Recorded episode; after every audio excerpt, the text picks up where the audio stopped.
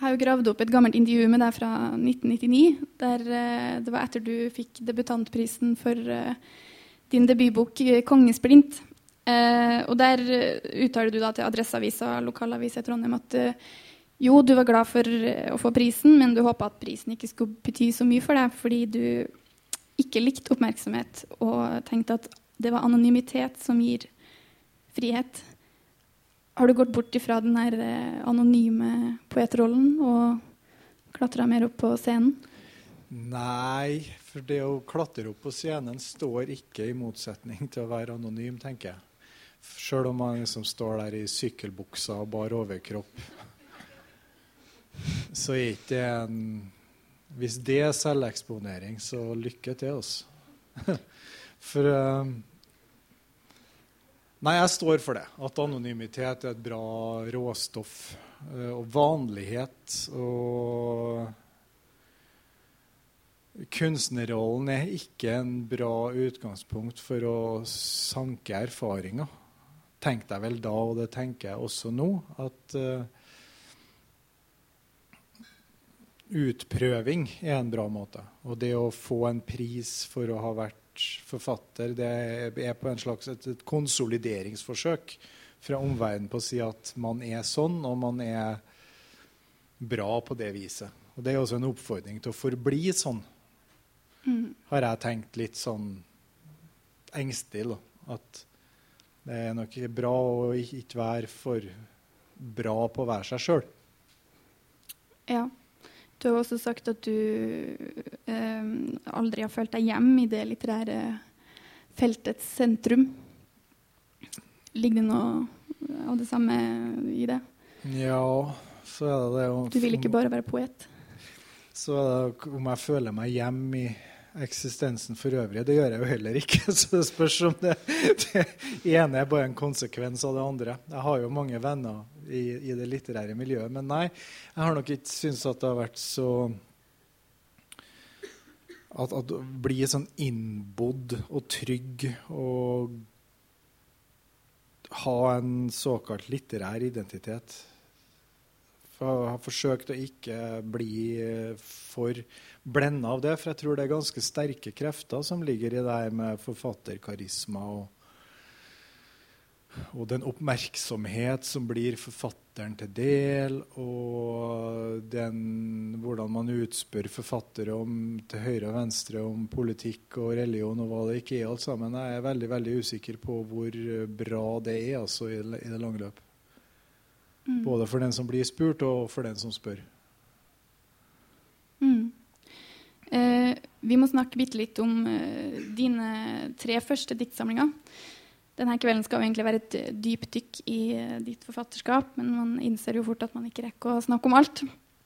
Eh, jeg tenkte derfor vi skulle bare snakke litt kort om de tre første diktsamlingene dine. De er jo, eh, kan jo på sett og vis leses i eh, sammenheng. Eh, og de skiller seg jo litt fra de senere bøkene dine også ved å være mer, eh, kanskje mer em, tradisjonell lyrisk, da, hvis det går an å Det er jo absolutt ikke eh, noe tradisjonelt, men mer Ja, hva vil du si sjøl? Lyrisk er vel en utmerka beskrivelse av det. Og dem er vel Jeg føler vel fortsatt at det er det e- eneste kunstneriske håndverket jeg kan. Det er å skrive i den tradisjonen der eh, man f.eks. kan finne folk som Ann Gjedelund og Emily Dickinson. En slags uh, utvida sentrallyrisk rolle. Det kjenner jeg at det, det, det er vel det jeg har tilegna meg mest mulig som et slags håndverk. Da. Og det er vel det jeg også egentlig får til best når alt kommer til stykket. Men det gikk jo ikke an å fortsette å få til det, da, tenkte jeg. Det funka ikke sånn. Det passa ikke med livet. Nei, det må jo passe med livet òg. Ja, det er jo det som er målestokken, tenker jeg, i forhold til om et utsagn eller en væremåte er sann. Og altså når jeg begynte å lage tidsskrift og begynte å være forlegger og etablerte meg mer som en forfatter så ble det jo også ei greie å forsøke å motarbeide det litt og kanskje finne andre uh, måter å, å, være til på. Da. Det har jo liksom kollektive arbeidsformer vært en, uh, en stor tilgang, da, både som oversetter og redaktør, men også skrive og tenke kollektivt har jeg mm. vært mm. veldig opptatt av. Du skriver jo, jeg tenker på de første linjene dine i den andre diktsamlinga di Takk. Altså, du har jo Jeg vet ikke om jeg nevnte men du har Kongesplint fra 1999, og så har du Takk, som kom i 2002. Eh, og så kom Hverandres i 2006.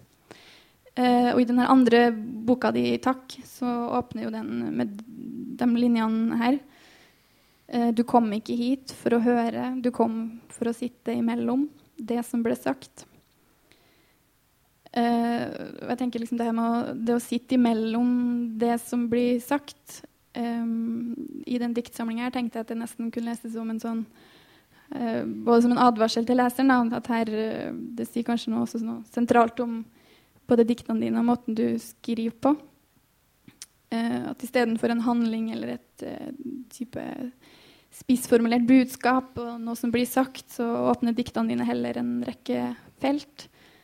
Eh, og innbyr til en slags transformativ verden der eh, sola vokser på trær, og brødet babler i ovnen eh, osv. Og, og at det er dikt som i stor grad er bygd på lyder og nettopp mellomrom. da, På rim og klang og grafikk. Og du har jo også sånne karakteristiske mellomrom eh, i tekstene dine som styrer rytmen og måten man leser på. Ja, det Jo, mellom, mellomrom.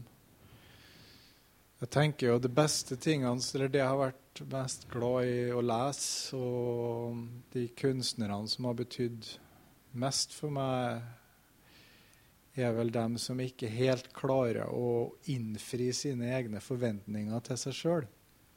Når, når, det liksom brister litt for forfatteren. Det, for uh, ja, altså hvis man litterære formen bærer jo med seg en slags intensjon om at en bok skal bli bra på en bestemt måte. Og hvis en forfatter innfrir den, øh, den intensjonen for godt, så er det ganske kjedelig, tenker jeg. Det er jo mye finere når teksten er, er tøylesløs og står åpent mot noe som kanskje ingen kjenner eller er en god forvalter av at noe ukjent og fremmed åpenbarer seg da, i det litterære. Mm. Det, det ikke, ikke det litterære også kan åpenbare seg i det litterære. Mm. Har du hatt noe prosjekt eh, når du skrev de her eh, diktsamlingene? At du har tenkt, tenkt ut ifra et prosjekt, eller har du eh, hatt et ikke-prosjekt? Jeg kan jo ikke si at jeg har hatt et ikke-prosjekt. For bare for å få utgitt ei bok, så må du være helvetes metodisk og ambisiøs. Så jeg har da virket Jeg skal sitte her nå og være liksom, oh, oh, så skeptisk til forfatterrollen, men jeg har jo selvfølgelig også måttet ha vært hensynsløst ambisiøs og jobba veldig fokusert. Og spesielt i de første fasene av skrivinga så var jo det å identifisere seg med forfatterroller og i, et ganske sånn konkurrerende måte. Jeg skriver bedre enn deg. Sånn litt avantgardistisk, unglitterær bøfling. Da. Sånn det har jo vært viktig. Ja, ellers er jeg bare blitt så gammel og kokett, så jeg har lært meg å skjule det. Altså, det er veldig vanskelig å gidde å skrive hvis ikke man har en rest av øh, ambisjon. Så det er kanskje den store utfordringa etter, eh, etter, å ha vært forfatter i 15 år. Det å finne sterke nok motivasjoner for å skrive. Da. Og spesielt blir det vanskelig når jeg ikke sitter der og kjenner meg spesielt vellykka på en fredag. Skal jeg, hvorfor skal jeg da skrive? Det er vanskelig å vite. ja. Men du har jo, du har jo også eh, tegna. Um, eller uh, klipt og limt. Um, I hvert fall i denne diktsamlinga, eller boka. Um, det er jo slett ingen tradisjonell diktsamling. Um, som heter 'Bli verden', som mm. kom i 2007. Og det er den vi ser uh, altså Det er jo starten på den vi ser på skjermen uh, bak oss. Og i likhet med den forrige som var en diktsamling, da, uh, 'Hverandre', så er jo nettopp tematisering av språket og det å navngi og liksom skrive fram verden på nytt eh, veldig sentralt i denne boka. den kan jo se ut som en tradisjonell diktsamling. Den er jo ganske hvit og anonym på forsida. Men når man åpner den, så åpner det seg jo en hel verden her. Eh, og jeg hadde lyst til å vise den fram nettopp også fordi at det, det er like mye et kunstverk som det er litteratur og tekst. Det kan jo altså Originalene fra denne eh, boka har også blitt utstilt, bl.a. på Henny Jonstad og Stenersen-museet. Um, kan du si noe om arbeidet med denne boka? Altså, den består jo både av, eh, av replikker og ord, både på norsk og engelsk. Og er satt sammen med bilder og illustrasjoner som du har klippa og limt sammen? Ja, der lot jeg med den boka så lot jeg det stå litt til, altså. Og bare lot lot formen stake ut litt kursen for hva det gikk an å si, da. Og um, jeg har jo forsøkt å skrive noe om dette her i audiaturkatalogen. Eh, det kom vel i omtrent samtidig med boka i 2007. og Der skriver jeg litt om hvordan det er en jævla god idé, det der. Å kombinere poesi og tegninger.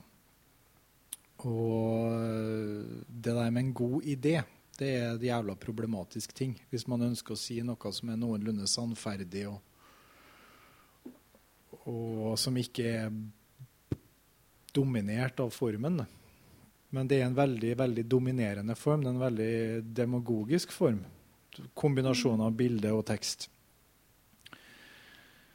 Og det var den store utfordringa med boka. Å forsøke å utnytte denne demagogien på en måte som ikke var uh, sjølbekreftende, eller som lukka bildene. Altså det var å forsøke å holde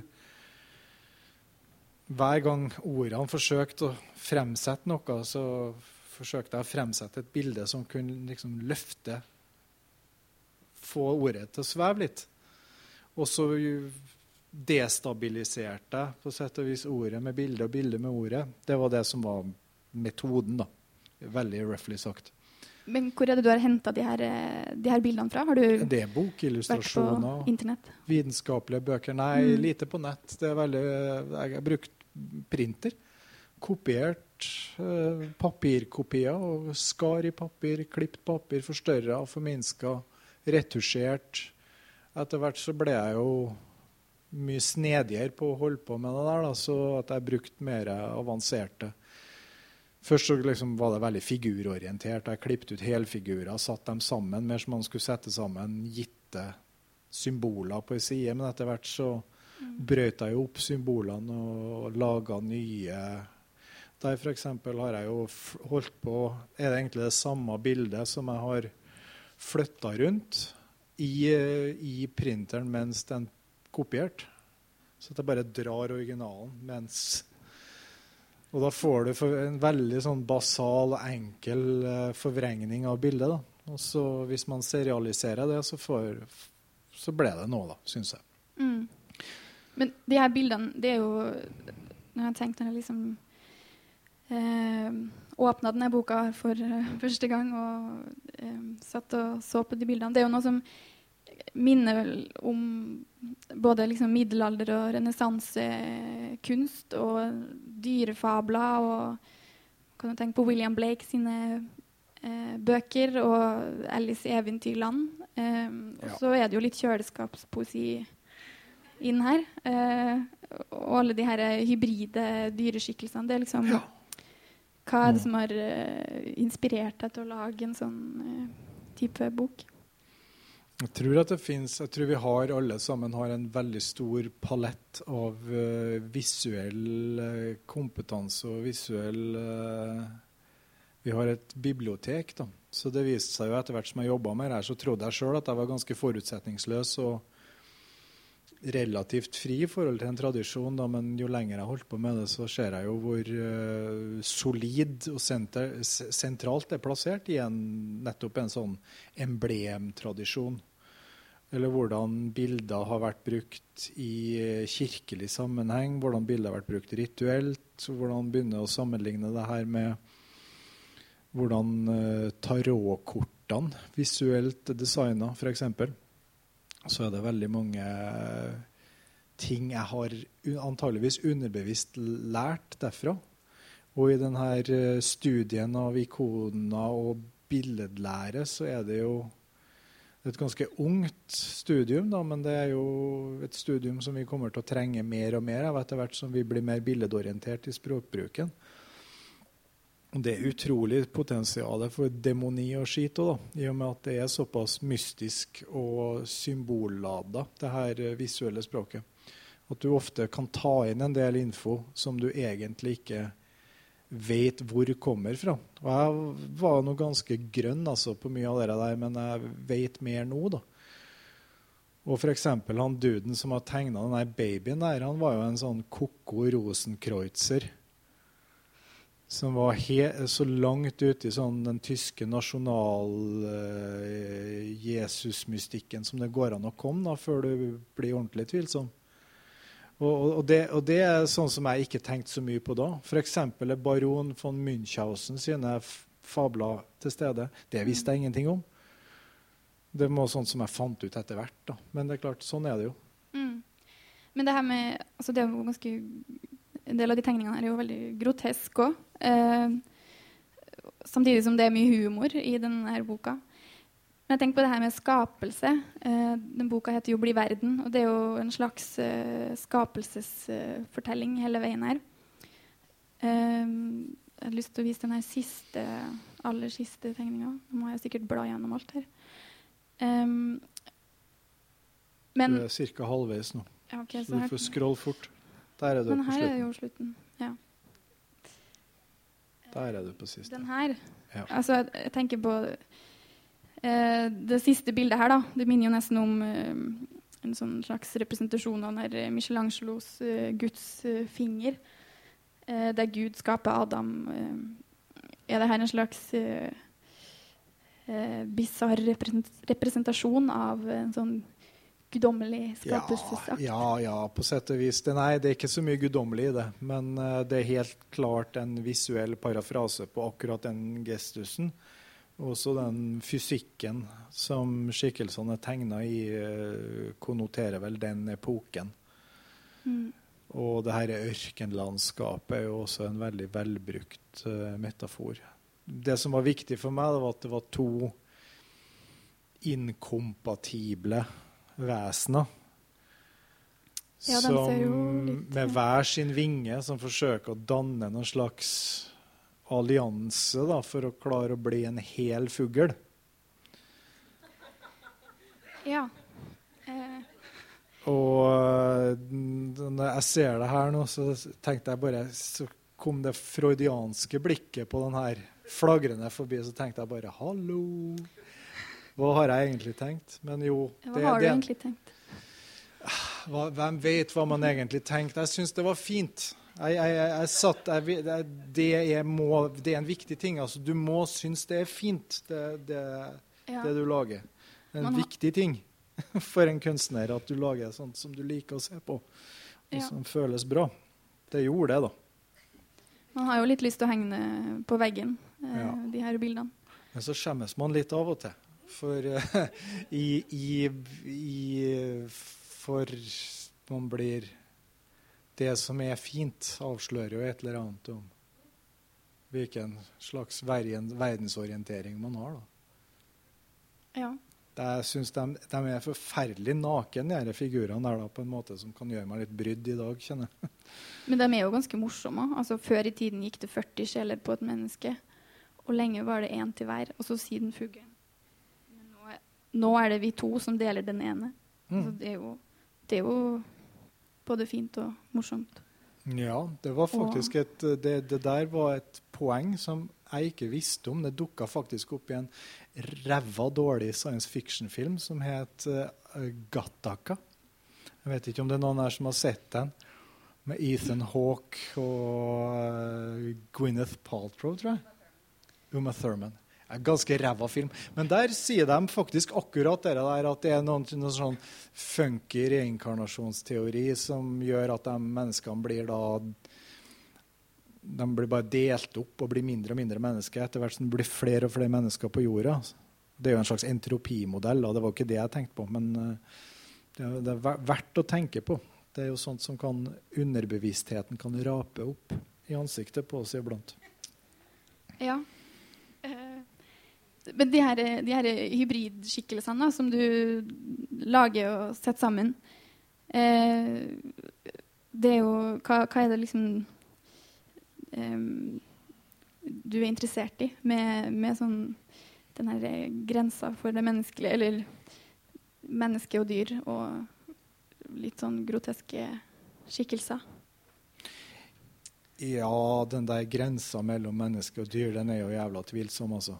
Det tror jeg vi alle kan være ganske enige om. Og det er vel noe som begynner å trenge opp i populærkulturen. Og at den måten vi har definert demarkasjonsgrensene mellom kultur og natur, menneske og barbar uh, Alt det der er det har gjort mye skade, da, måten verdens grenser har blitt opptrekt, både politisk og symbolsk. Og det har selvfølgelig en sammenheng, tenker jeg. Og Det er kanskje lettere for en poet å tenke sånn enn for en politiker, men jeg syns at politikere kanskje burde ta hensyn da, til hvordan den type symbolske prioriteringer faktisk også spiller over på humanistiske prioriteringer. Så nei, jeg er ikke noe glad i den der type skarpe grenser. Jeg, jeg, er for øh, løse og amorfe. Mm. Og kanskje litt mer tilfeldige allianser. Da i, uh, som eksistensielle, eksistensielle, kategorier. Det er bedre. Det er mer produktivt rent kunstnerisk. Og jeg tror også at det å forsøke å tenke ut modeller for sameksistens på løsere grensegrunnlag, at det, at det, er, en, at det er, et poeng. Både for mennesker og dyr. Og det hadde vært bedre også for omgivelsen og alt det stumme vi omgir, omgir oss med. Om vi hadde vært litt, litt ikke så redd for tomhet og ikke så redd for alt som ikke kan snakke, eller alt som ikke virker kjent. Mm. Så det er jo et engasjement jeg har, selvfølgelig. Jeg tenker også i den, den neste diktsamlingen din, for å bevege oss uh, videre i 'Tungen og tåren', som kom i 2013, så har de også en sånn uh, slags uh, hybridskikkelse på framsida. Nå har ikke jeg den på skjerm, men sikkert ikke så mange som ser, men det er jo en slags sånn det er vel din egen tegning av en uh, urskapning eh, som har øglehode eller fiskehode og menneskearmer og menneskebein. Um, den står jo her på forsida og helt sånn ser litt sånn ut som den står og skriker um, i løse lufta. Kanskje uten, uten stemme. Uh, hvem, hvem, er den her uh, figuren her i Tungen og tårn? Det der er vel opp, det, opprinnelsen Det er en, bare en avbildning jeg har gjort av en skulptur som står på Musée du Quai Brandly i, i, Paris, som er en, um, skulptur av en skulptør som heter Sossa Dede fra Dahomey, som uh, forestiller den siste frie regenten i kongeriket Dahomey før Frankrike galopperte over befolkninga som kolonimakt i slutten av 19. århundre. Så Behansin, som er den figuren, den kongen, var jo en historisk person som døde i eksil på Martinique. Uh, som var en uh, dyktig politiker, en dyktig kriger, en dyktig strateg, men han kunne ikke stå imot den franske teknologien. Og, um, så jeg hadde lyst til å jeg, den, Når jeg så den statuen, så brente den seg liksom fast i bevisstheten på meg. Jeg begynte å arbeide med den først kanskje ett og et halvt år, to år etterpå. Og forsøkte å finne en slags historie rundt Lage en slags poetisk omgivelse rundt denne uh, gestalten. Da. Og gi den en ny uh, poetisk historie å utfolde seg. Så jeg har bygd den kabareten som vi har laga med Brød og Esle, der er den her gestalten da, der vi kaller den bare for Fisken. Den er kjempeviktig. Den her eh, fisken den går jo igjen eh, nesten gjennom hele forfatterskapet ditt. Eh, som en sånn figur eller et uh, dyr. Um, I 'Tungen og tårn' så står det jo at uh, fisken vandrer høy og rank på egne bein i støvet. Roper ut sin bønn. Vi vil ikke ha tilgivelse, gi oss heller regn, o Herre. Um, og også i Eurodike, da, som vi skal snakke litt mer om etterpå, så kommer jo fisken opp fra elva og snakker og går på to bein. Og, um, det er jo både en sånn slags merkelig myteskikkelse, men um, jeg vet ikke. Hva Ja, fisken er Jeg liker, like fisker, alltid gjort det. jeg har vært mye på fiske og som fisker da jeg var liten. Jeg har jeg har til og med et akvarium nå. Hvor nerdete er ikke det? Ja. Uh, fisken er en, krea, det, det er en skapning fra dypet som bor i vann. Som ikke er spesielt søt, som er ganske kald, ganske fremmed. Den er et lett bytte på mange måter. Men uh, samtidig så forstår vi ganske lite av fiskens verden og virkelighet. Så jeg, jeg syns det er verdt å sette lyset på en sånn gestalt. da. Ja. Verdt å sette lyset på fisken. Ja, for å si det enkelt. Men det er klart at det Hvis jeg plasserer blikket mitt i en fisk sitt hode, og så setter jeg armer og bein på fisken og setter den inn på land, da frigjør jeg ganske mye muligheter for min egen fantasi. Da ser jeg verden annerledes, fordi den fisken er både veldig kraftfull og veldig utsatt samtidig. Mm. Det, derfor liker jeg den. Ja. Um, jeg tenker på det her med um, det mytiske.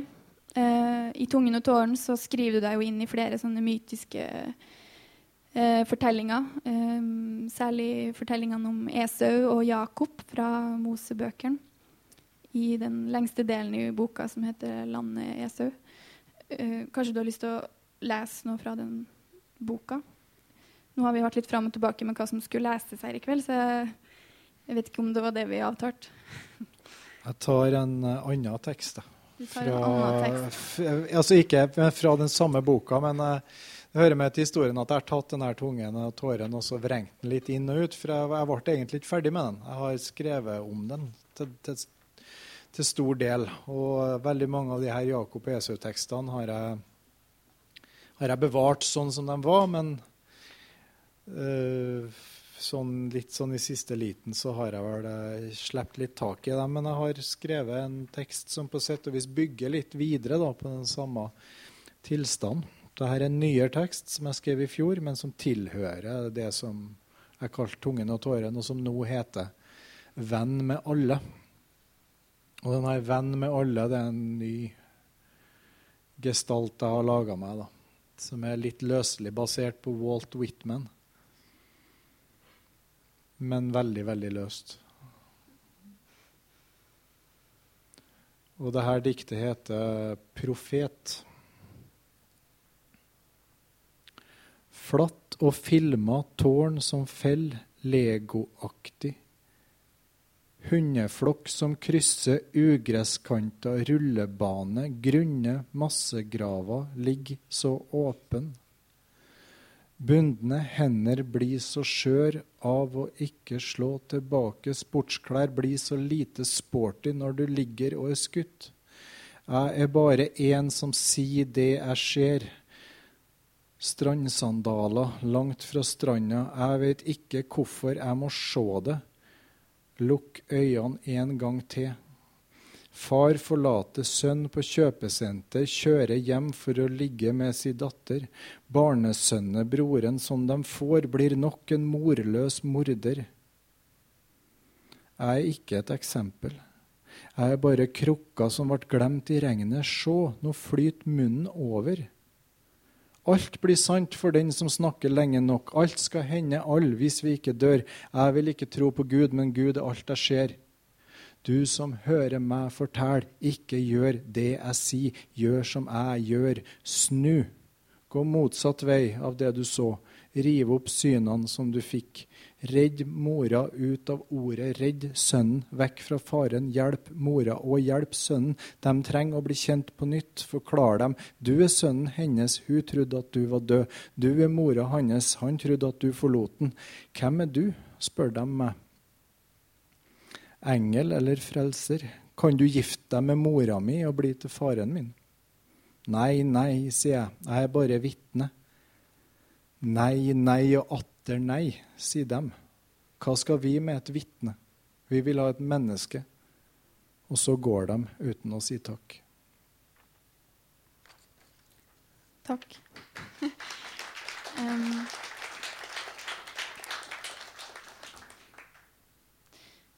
Det, her, tenker, det, første jeg tenker når du, når du leser, er jo at du, du leser på en sånn rytmisk eh, måte på, på, trøndersk. Hvorfor er det viktig å, for deg å lese på dialekt? Jeg høres så rar ut når jeg leser bokmål. Eller jeg syns sjøl at jeg høres rar ut. Det oppleves kunstig. Og helt siden DumDum Boys begynte å synge på sånn halvtrøndersk, så har jeg alltid tenkt at hva faen er det med oss?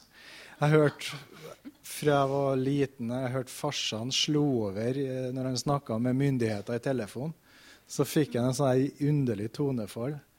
Så tenker jeg at det, det, det slo meg alltid å høres underdanig og, og, og, på et eller annet vis forfuska ut. da. Her i Norge, som vi skal være så stolt av dialektene, og sånn, så har det stakkars trøndersken havna skikkelig i klem. da. Så eh, hvis jeg skal få til å skrive ordentlig, så må jeg jo tenke jeg komponere det muntlig. Da. For meg har det vært en stor tilgang å skifte fra et skriftlig ståsted til et muntlig. Så nå skriver jeg tekstene som bokmålspartiturer til muntlig trøndersk. Mm. Det er ikke så sært som det høres ut. Georg Johannessen gjorde det samme med bergensk. Det er litt lettere å legge bergensk og bokmål på hverandre enn trøndersk og bokmål. Og så sitter sikkert noen og lurer på hvorfor skriver du ikke nynorsk, da, din dust. Men det ble aldri noe med det. Det ble aldri noe med det? Nei, nei, nei. det høres like rart ut, syns jeg. Sorry.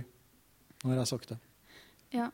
Um, men, men, det her Nå er vi inne på klangen og, og det muntlige språket òg, da. Eh, så opplever jeg at du, du skriver mye ut ifra lyder og klanger i språket.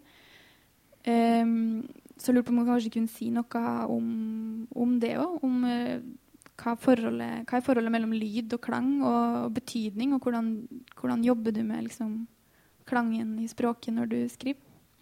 Man tenker veldig annerledes når man jobber klanglig. Da. Dette er jo Både rytmikk og klang og lyd har jo blitt veldig eksotisert når vi snakker om poesi og jeg har vel kjent at poeter vi er litt sånn fornøyd med å si da, at jo, det var rytmen drev meg, klangen drev meg. Punktum. Det er ikke meninga vi skal snakke noe mer om det. Men hva faen er det som lokker en poet til å skrive i den retningen? For det som skjer, er jo det at man sier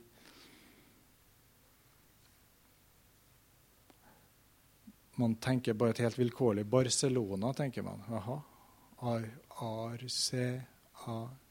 Jaha, arsenikk. Barcelona, arsenikk. Da har man to ting som ikke hører sammen. Da, sånn jobber jeg, da. Jeg Ut fra lyd, lydlikhet? Ja. Jeg leter opp. Jeg graver i ordet Barcelona, så graver jeg opp et annet ord. Arsenikk. For bare for et eksempel for stunden. Et dårlig eksempel. Det er vanskelig å gjøre noe med det. Men så går mye av skriveprosessen min ut og finner ut hva kan være sammenhengen. Kan det skapes en sammenheng ut av dette? Og Av og til så gjør det det, av og til så gjør det det ikke. Men de gangene det gjør det, så blir det ofte en, en da, springer teksten ut av en slags massiv deprogrammering da, av uh, hva jeg måtte ha lyst til å tenke på. Mm. Da flipper liksom tanken ut, og så skriver jeg plutselig med helt feil signifikater. Og så må jeg prøve å skriver sant, men med et feil språk. Og det som da skjer, er jo at det, munnen, det, det hjertet er fullt av, renner munnen over med, som det står så fint i Bibelen. Og det er faen ta meg sant, altså. At er du fiksert på noe, er du redd for noe, går du svanger med en tung beslutning, så enten du skriver om Barcelona eller arsenikk eller begge deler, så kan du være bombesikker på at det blør fram i teksten på et eller annet vis, som en, som en form for spøkende innhold. Og det der spøkende innholdet opplever jeg ofte er en mye sannere peiling da, på hvor både hvor jeg som forfatter befinner meg, og hvor vi som mennesker befinner oss i forhold til vår, vår kommunikasjon. Så. Men tenker du da at liksom lyden, eller lydlikheten, da, kan skape en, en, en, egen slags type mening? Ja, for den springer liksom litt ut av uh, en, en, mer sensuell og litt mer klåfingra omgang med språket, da. Mm. Og det med å smake på ordene, kjenne på ordene, lage vakre setninger igjen. Lage noe som er fint. Hvorfor er det fint? Hvorfor er man tiltrukket av det? Det tenker jeg er en bra måte å ja, se verden fra en annen, litt annen kant. da. Har du lyst til å lese et dikt eh, til? Du ville jo ikke lese fra tungen og tåren, men fra den omskrevet versjonen? Nei, nå, ja, nå, nå, er det jo nå er jo ikke disse tekstene her så Eller jo. Her er det en tekst som inneholder litt det meste, tror jeg. Som har kanskje sprunget ut av et dikt av Czesław Mivors, som ble skrevet etter krigen.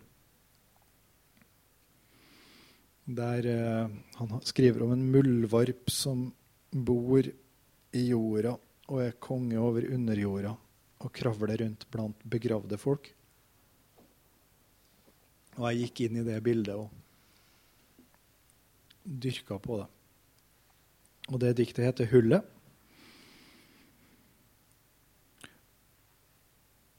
Blanke muldvarpøye, blindt for lyset Underjorda ligger så tyst. O, muldvarp, du har skremt dem taus. Labbene dine er øra. Dem kan skjelne et nedgravd navn. Kloke fingre kan filtre noen sin stemme ut fra herre koret. Hva sier dem? Dem sier grav meg opp når jeg dør, ikke legg meg strødd der jeg bodd, der jeg sydd, nye fôr i gamle jakker og kokt kraft på spinkle bein. Uro, ha deg bort fra siste lys i huset. Du ser vel at det blafrer når du puster på det. Et hviska dødsbud uten navn, du kan vel holde kjeft. Hysj, for jeg er skredet. Kroppen min er mat for spaden, ryggradsrøysa mi stykkes opp i mineraler, og leverskred av rødsvart pukk raser ut i nyren. Gjærdunst, sulfitt, slagghaug, talgpropp og forkalkning, revna vene ryr og drysser støvet fra mi skulder på grava etter all som jeg hører når jeg legger meg om kveldene. Stemmene ifra massegrava roper æ og æ og æ og æ er den du leiter etter. Du som graver og leiter etter oppslukt ansikt etter ansikt for å telle oss på utsida av jorda, gi oss navnene våre, og til oss som ingen lenger husker, ingen lenger leter etter, gi oss navnet ditt, du som grov oss fram, du får døpe oss på nytt.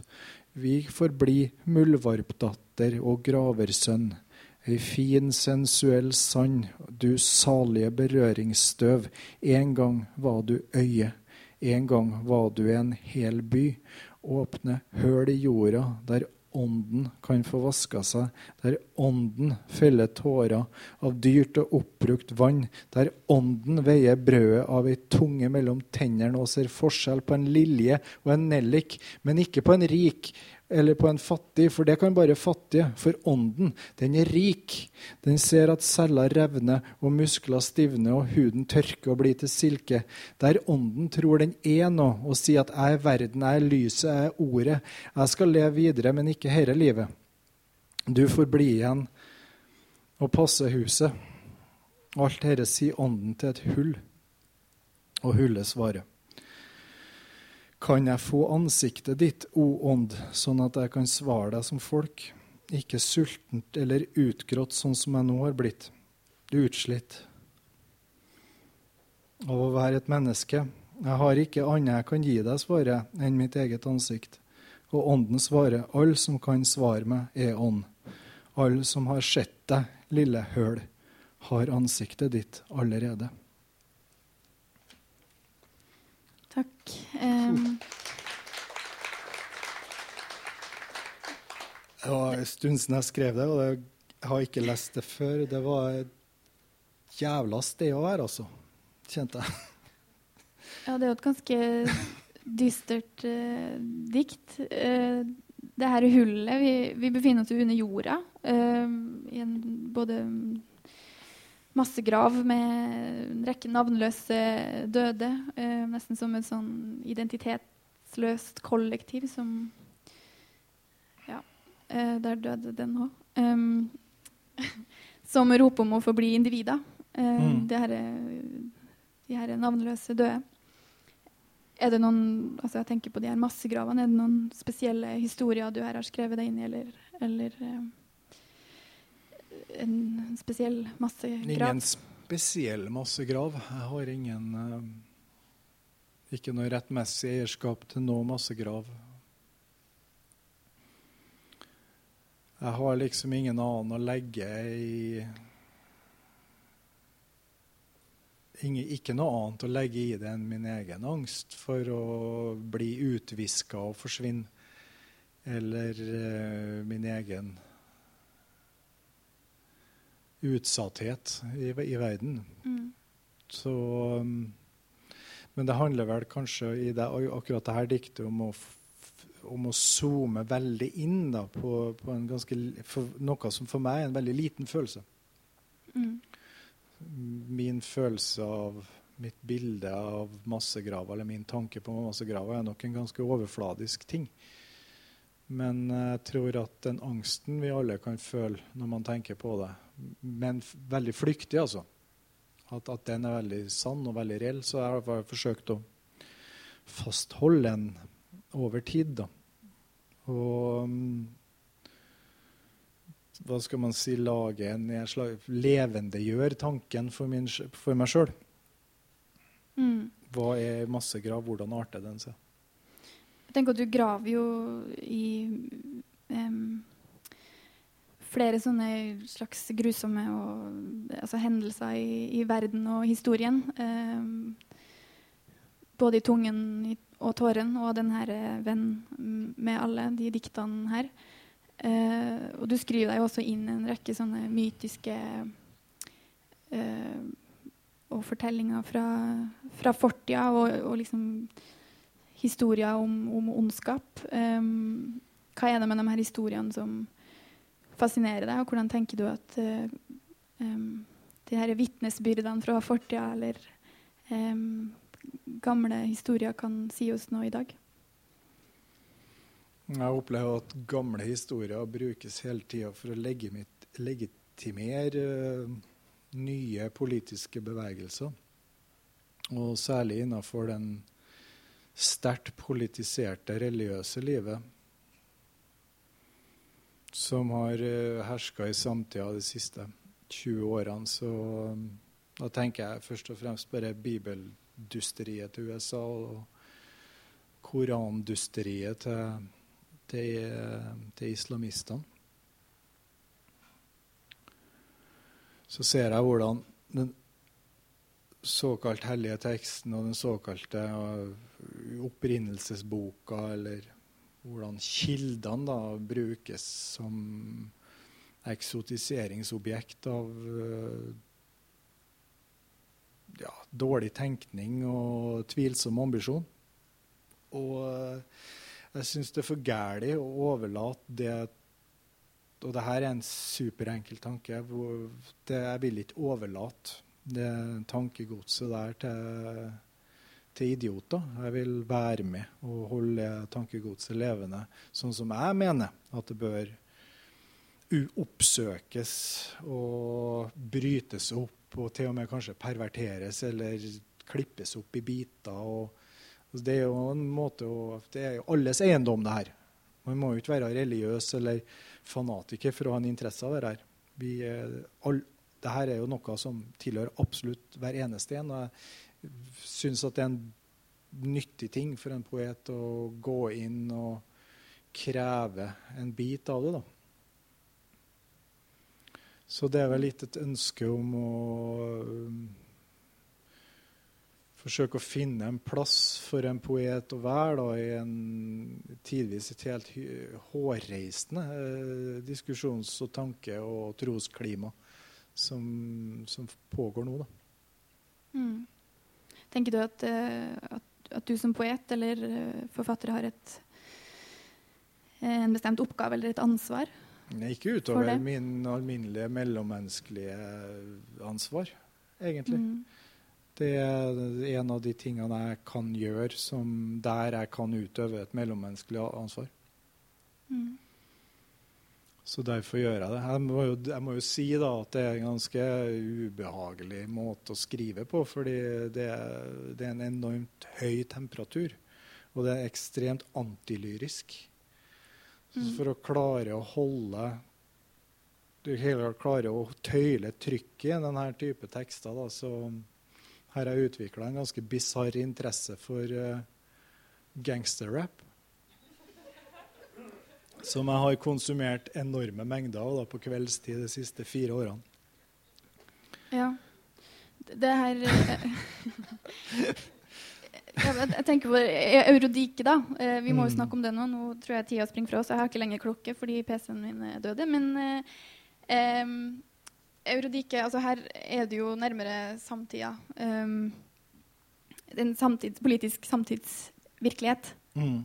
Um, og eh, dere har jo Eller for å si litt om det først, da, så er jo den her ikke skrevet under ditt navn, men uh, under uh, navnet Brødet og Eselet. Mm. Som, uh, som, du må si litt om. Um, det er vel et samarbeidsprosjekt. Hvem, hvem er Brødet og Eselet? Brødet, det er Brødet har ansvar for tekst, tegning, masker og økonomi. Og eselet er Henrik Skotte, kunstner. Han har ansvar for video, musikkproduksjon, eh, regi, foto, web og eh, sånt digital som jeg ikke skjønner. Så vi mm. utfyller hverandre og skylder på hverandre hvis det blir dårlig, ja. blant annet. Har jo, dere har jo samarbeida ganske lenge, har jeg skjønt. Eh, og har jo reist rundt og laga sånne kabaretforestillinger. Og jeg har sett dere bl.a. i fjor under Rolf Jacobsen-dagene på Hamar. Eh, der dere framførte en slags kabaret om korthuset EU. Um, det, var, det, er jo både absurde og politisk og merkelig og sprø greier. Um, og den her Eurodike, da, var vel også egentlig en eh, Det er vel et um, Altså Den ble framført under Møllebyen litteraturfestival i år mm. som en performance. Og bestilt som et korverk. Um, og den er jo Dere har jo kalt den en uh, roman. Um, men den er jo like mye en, et kor av ulike stemmer og kollektiv som kommer til tar og som alle forteller hver sin historie, eller bruddstykke av en historie fra en slags sånn eh, politisk samtidsvirkelighet i Europa, men samtidig en sånn helt uh, um, mytisk uh, verden. Um, som kanskje ikke er så lett å Det er mange ulike fortellinger her, men det er kanskje ikke så lett å overføre dem til en sånt realistisk eh, og entydig språk. Fordi de eh, opererer innenfor en, eh, en, logikk da, som er ganske annerledes enn en, eh, det man er vant til. Det går jo også igjen i forfatterskapet ditt. Uh, I så er det jo bl.a. en mur som kommer til tale. Den første teksten i boka, som heter 'Monster', møter vi en mur som mm. snakker. Hva slags mur er det vi her har med å gjøre? Det er vel alle, alle murer i verden er jo uttrykk for en bestemt type tankegang, som er en slags grensedragning. Og et forsøk på å stenge noe inn og forsøk på å holde noe ut. Og det fins jo mange historiske eksempler. Historiske murer, kinesiske mur, Hadrians mur, The Pale. Og så har du murene i Israel, Berlinmuren osv. Og, og så har vi hatt en mindre synlig, men ikke desto mer påtagelig mur i, i, i Middelhavet, som har uh, klappa sammen pga. at verden har blitt liten nok til at man digitalt kan uh, orientere seg på en annen måte rundt Middelhavet. For 100 år siden så var Øresund nok til å holde to eh, befolkninger, Danmark og Sverige, på så atskilte planeter at uh, det faktisk lyktes dem å avgjøre en krig en natt Øresund frøs. For da kunne svenskene liste seg over og sjokkere danskene. Det hadde de ikke tenkt. Og bare at den sortens såkalt naturgitte murer, skiller, separasjon, demarkasjonsgrenser, har en enorm makt over hvordan folk tenker på seg sjøl og, og, andre. Da. Og plutselig så endrer de seg. Og det, det er umulig å ikke reflektere over det på en dag som i dag, tenker jeg. Mm. Eh, har du lyst til å lese Har du lyst til å lese fra, den, uh, fra Eurodiket? Ja. Jeg, tar, jeg skal ta en liten, litt mer scenetilrettelagt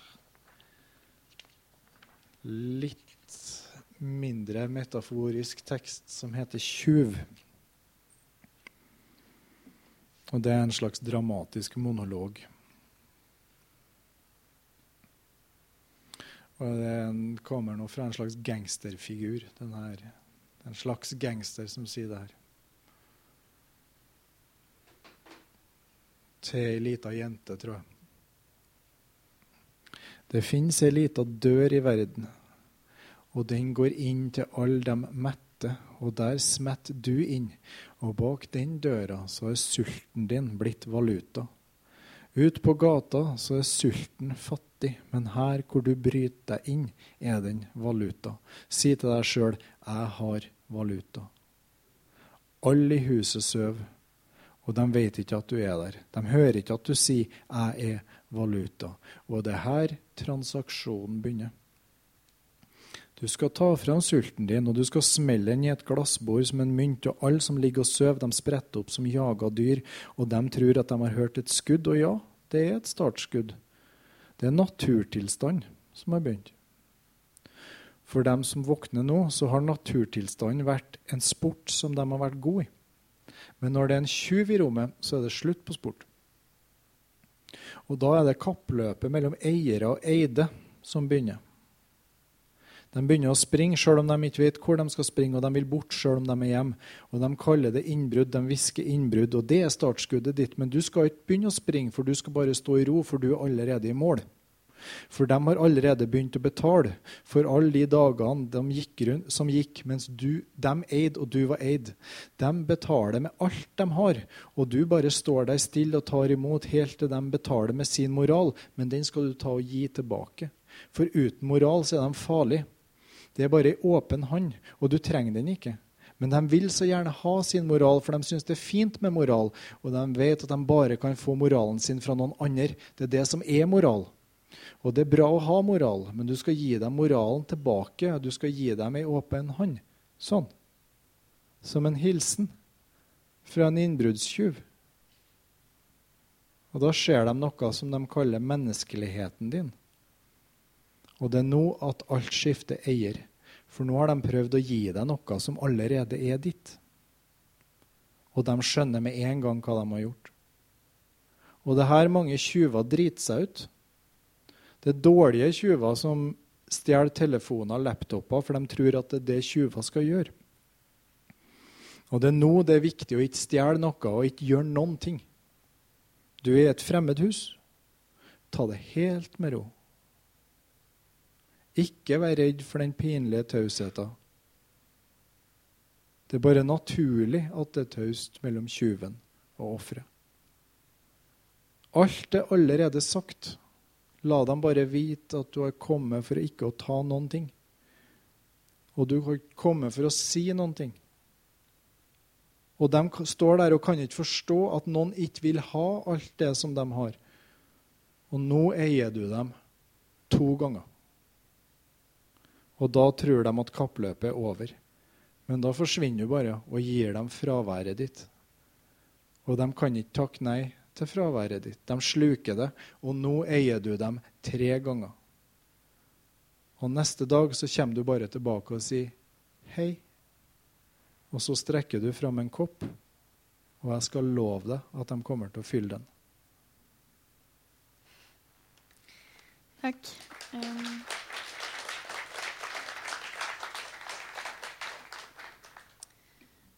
sulten er blitt uh, valuta, og det er bra å ha moral. Um, ja, man vil helst ha moral. Ja. Um, I denne boka du tegner jo opp en ganske absurd verden der penger råder, og der det handler om å lage butikk. Uh, en verden full av tjuver, gangstere, tigre, fattigfolk, uh, kjøpere og det som er eid, og eierne. Uh, der alt kan omformes til valuta, og der man betaler både med søvn og moral og kunnskap. Um, jeg tenker at du hele tida har det politiske, økonomiske språket på den ene sida, um, og samtidig det her mytiske språket på den andre, der du både låner fra fortellinga fra Moses og fra myten om Orfeus og Evredike. Og i bokversjonen av den teksten du her leste, da, så er jo den her ungen Jeg vet ikke om du, Den var kanskje ikke med der du leste nå, men jo, jo, det, det, den ungen da, er jo en slags sånn bibelsk Moses-figur som eh, som blir satt ut på, uh, i en kurv på elva og, og hen, altså finnes Nei, blir oppdaga av noen som lurer på hvorfor de ikke har bare solgt ungen. er det en slags myte om Europa du har iscenesatt i denne boka?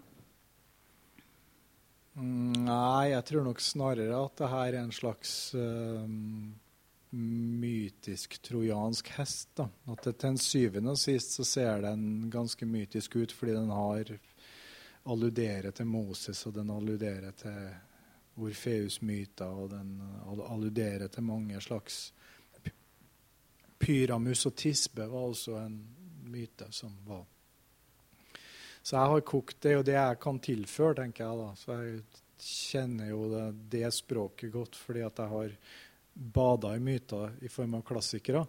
Men samtidig så er jo den uh, måten vi snakker om markedsliberalisme og den nåværende politiske ståa med sør og nord og øst og vest og vi og dem og alt det der, det er jo også en slags mytedannelse, da.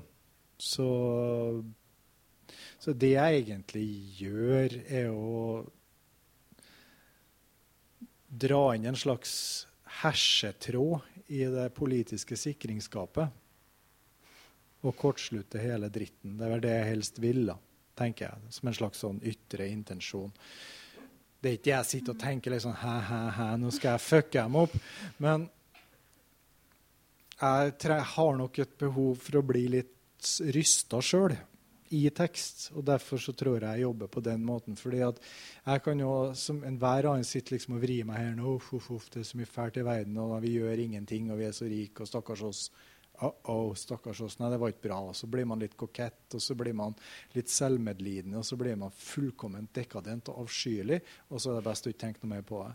Og sånn holder vi på, da, litt sånn der manodepressivt i moralen vår, da, og forsøker å forholde oss til at Vi har trukket et vinnerlodd i, eh, rent på den globale, globale, politiske scenen rent økonomisk. Men samtidig så er det skygger, og det er mye som tyder på at denne freden og roen som vi har tatt til oss som identitet over de siste generasjonene, at den har vært veldig skjør konstruksjon. Da. Mytisk, tenker jeg da. At det har vært en slags eventyr om oss.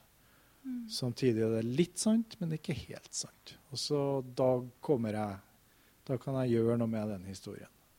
Ved å mm. føre det mytiske og det politiske og det selvfølgelige og det absurde litt nære hverandre, og så begynner det å gnistre.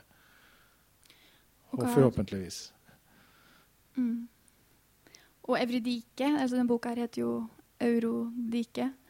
Uh, og som man vet, så ble jo Evridike henta tilbake fra dødsriket av sin uh, mann Orfeus. Men uh, siden han snudde seg for tidlig, så ble hun vel for alltid um, ja, dømt til å være i dødsriket.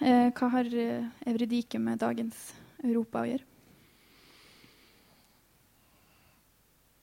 Nei, hun er jo en slags statist. Da. Det er en viktig poetisk myte. Og Orfius blir jo president på slutten av uh, boka. Ja, det er litt etter amerikansk modell at hvis du er god til å synge eller tar deg bra ut på scenen, så må du før eller senere bli president. Eller i hvert fall guvernør. Og det er litt sånn jeg har tenkt om, om Orfeus òg. Ja, han er jo ingen spesielt tillitvekkende figur, egentlig. Og jeg syns vel at det har vært så Og jeg har sjøl gjort noen sånne rimelig dassete, metaforiske gru, Litt dårlig metaforisk gruvedrift på den myta i boka 'Takk', da. Og ja. Hvordan det? Nei, Man går inn og skriver Man får litt sånn Orfeus-karisma da, av å gå i intertekstuell dialog med med Rilke og sånn. Men det blir litt som å det, Men i den boka her, da, som er en musikal og gangster og egentlig ganske uh, helhjerta amerikanisert uh, historieunivers, da, så blir jo Orfeus en slags Elvis-type, da. Og um, Eurodike blir mye mer attraktiv som helt og hovedperson. Mm. Ja, amerikansk side. Du har jo også sånne eh, Mellom hvert kapittel i den boka så er det jo bilder av eller dine egne tegninger av eh, ulike typer fribrytere. Um, ja, Lucha Libre, eh, som kanskje stammer fra Mexico. Bakerst står det jo også en oversikt over de her fribryterne. Man kan jo eh, lure på hva de, hva de gjør her. Eh, tenker jo på posering og maskespill. Um, og dere har vel også brukt de her maskene under framføringa. Um, hva, hva, er greia med de fribryterne? Det er en merke, Meksikansk fribryting er en merkelig blanding mellom sport og teater. Og det er jo så at de vet hvem som skal vinne på forhånd. Og da sier alle som er interessert i sport, at nei, da er det ikke sport. Da er det noe annet. Men jo, det er en slags sport. Men det er mm, en slags iscenesatt kamp mellom good guys og bad guys. da. Good guys de følger reglene, og bad guys følger dem ikke. Og Av og til så vinner the good guys, og av og til så vinner the bad guys. Så de som skripter og lever seg inn i de her rollene da, i de her brytekampene, de uh, blir en slags helter da, for folk. Og det er et kjempestort publikumsfeshow med store sportshaller som er proppfulle av folk som sitter her og roper 'kuksuger' og uh, hengrev til de bad guys og liksom får leve ut masse raseri. da. Og det iscenesetter jo også på et eller annet nivå en slags en halvmytisk, halvpolitisk, halvaktuell kamp om krefter som rår i samfunnet. Så jeg tenkte at Jeg syns det er litt urettferdig at den type såkalt lavkultur ikke kan ha en Jeg blir veldig oppløfta av å se på det her halvufreshe mannfolkene i, i bryterdrakter gå løs på hverandre i skripta slåsskamper som handler om å fordrive fordrive det onde her på jorda. Det er et eller annet veldig ganske storslagent med det. Mm. I all sin enkelhet. Og jeg hadde lyst til å så jeg har Istedenfor å gjøre det politisk, da, så har jeg gjort det nesten metafysisk i denne boka. Da. Så det er liksom det fattigdommen og intetheten og misæren og en del andre helt fiktive fribrytere. Dollaren er også en fribryter. Og de har da ulike hva skal man kalle det, mytiske egenskaper som så de er en slags hjelpere da, som danner en slags rammefortelling i, i det her.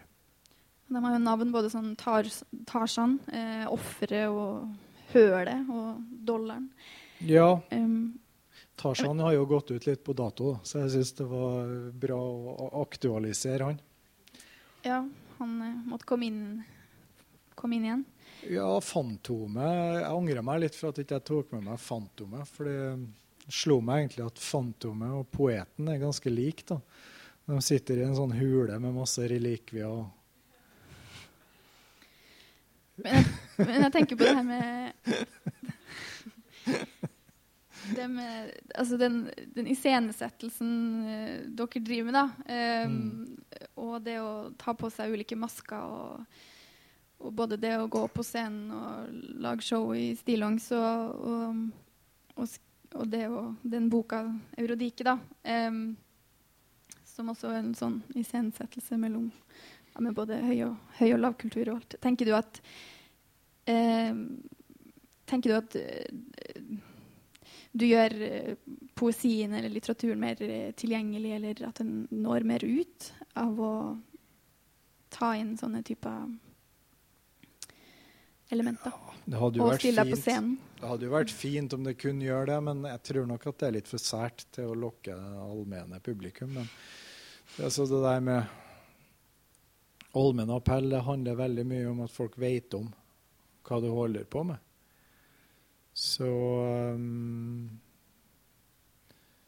jeg tror nok at for å nå ut, så må man jobbe mer med akkurat det å nå ut. Jeg tror det vi som kunstnere kan gjøre der, er å liksom forsøke å lage bra kunst og håpe på at det finnes en slags reseptivitet rundt det som kommer til å skape en setting der det er mulig å fortsette å gjøre det da, på noen måte.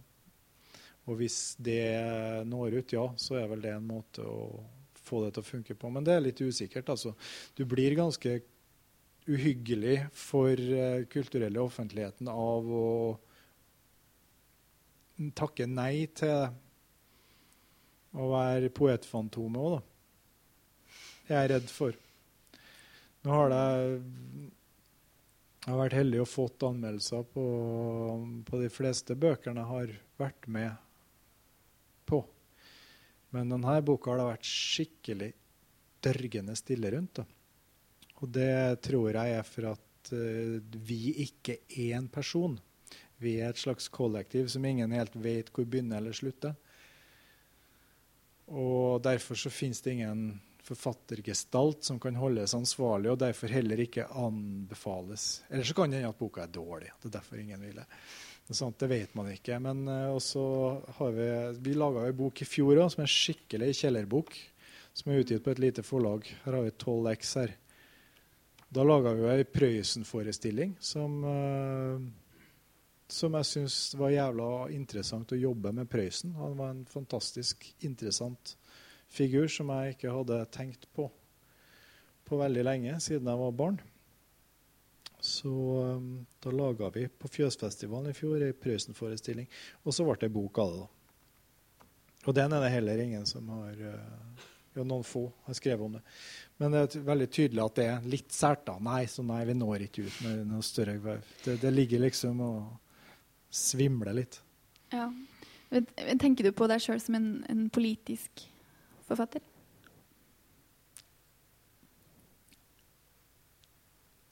Jeg har hatt store, store vanskeligheter med det. Med, med det. Jeg, jeg, antar at det Ja, jeg antar at jeg er det. Mm. På sitt vis.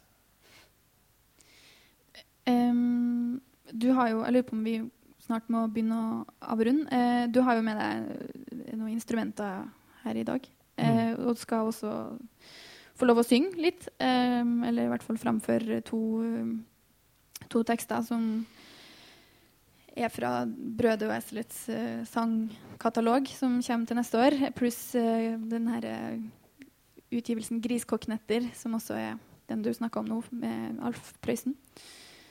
Um, så da det er vel Jeg vet ikke om du vil si noe om det, det instrumentet først, eller om du bare Det er et instrument fra Zimbabwe.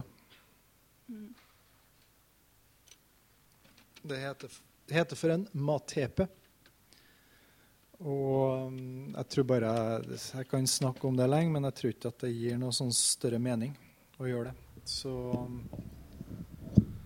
jeg skal ta én sang. Jeg tror vi er litt over tida. Så um, jeg tror det rekker lenge, for den er ganske lang.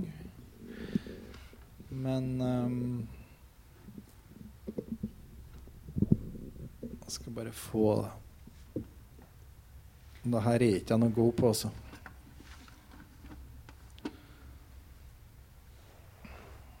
Og så har jeg gjort om på teksten i dag, så jeg må ha tekst å lese på i tillegg. Ganske, ganske dumt å gjøre det, men OK, nå har jeg gjort det.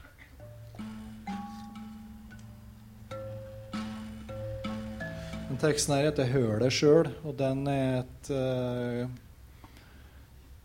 konsekvens av um, at når man skal lage Prøysen-forestilling, så er det litt sånn å fremføre Prøysen-låta.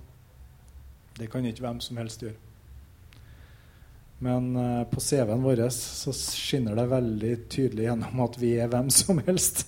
Så Derfor så var vi tvunget til å lage sanger som Prøysen skulle kunne på noe vis ha laga hvis vi var han eller han var oss. Så det her er et produkt av en slags forsøke å annamme en slags Prøysenhet. da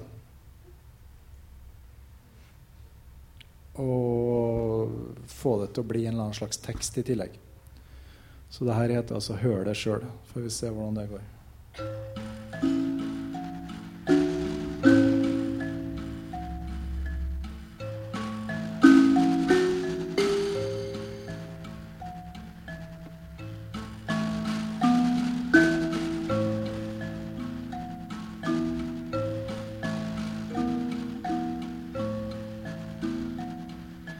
Største kjeften her på jorda. Den spiser minst og mumler mest. Nå brenner den inn med navnet mitt på jordas største fest. Dem som ikke har tatt noen ting. Og dem som har tatt alt som fanns, dem byr nå opp hverandre til jordas mest sjenerte dans. Dem svinger seg i skramle fra en tanke som gnag på jordas største tomme fat. Nemlig at for jordas største hunger er det vi som er jordas største mat. Den største på jorda er den første til å bli aleine. Og må stå der fremfor alle og spørre hvor tror dere at jeg gjemme.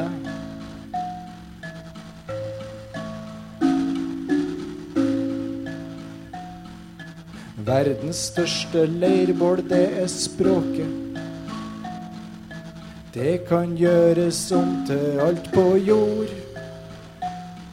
Den største stemmen hoster der i røyken og viser seg å være et kor.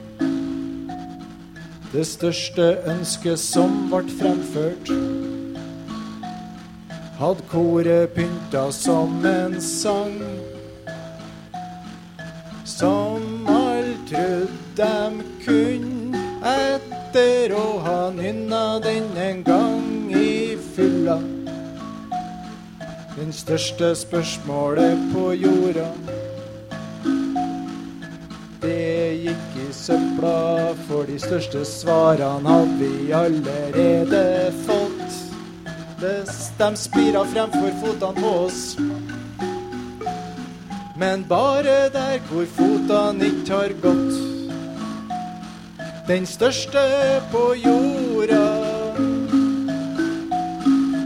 er den første til å komme i veien. Og stå fremfor alle og spør hvor vil dere at jeg skal flytte meg?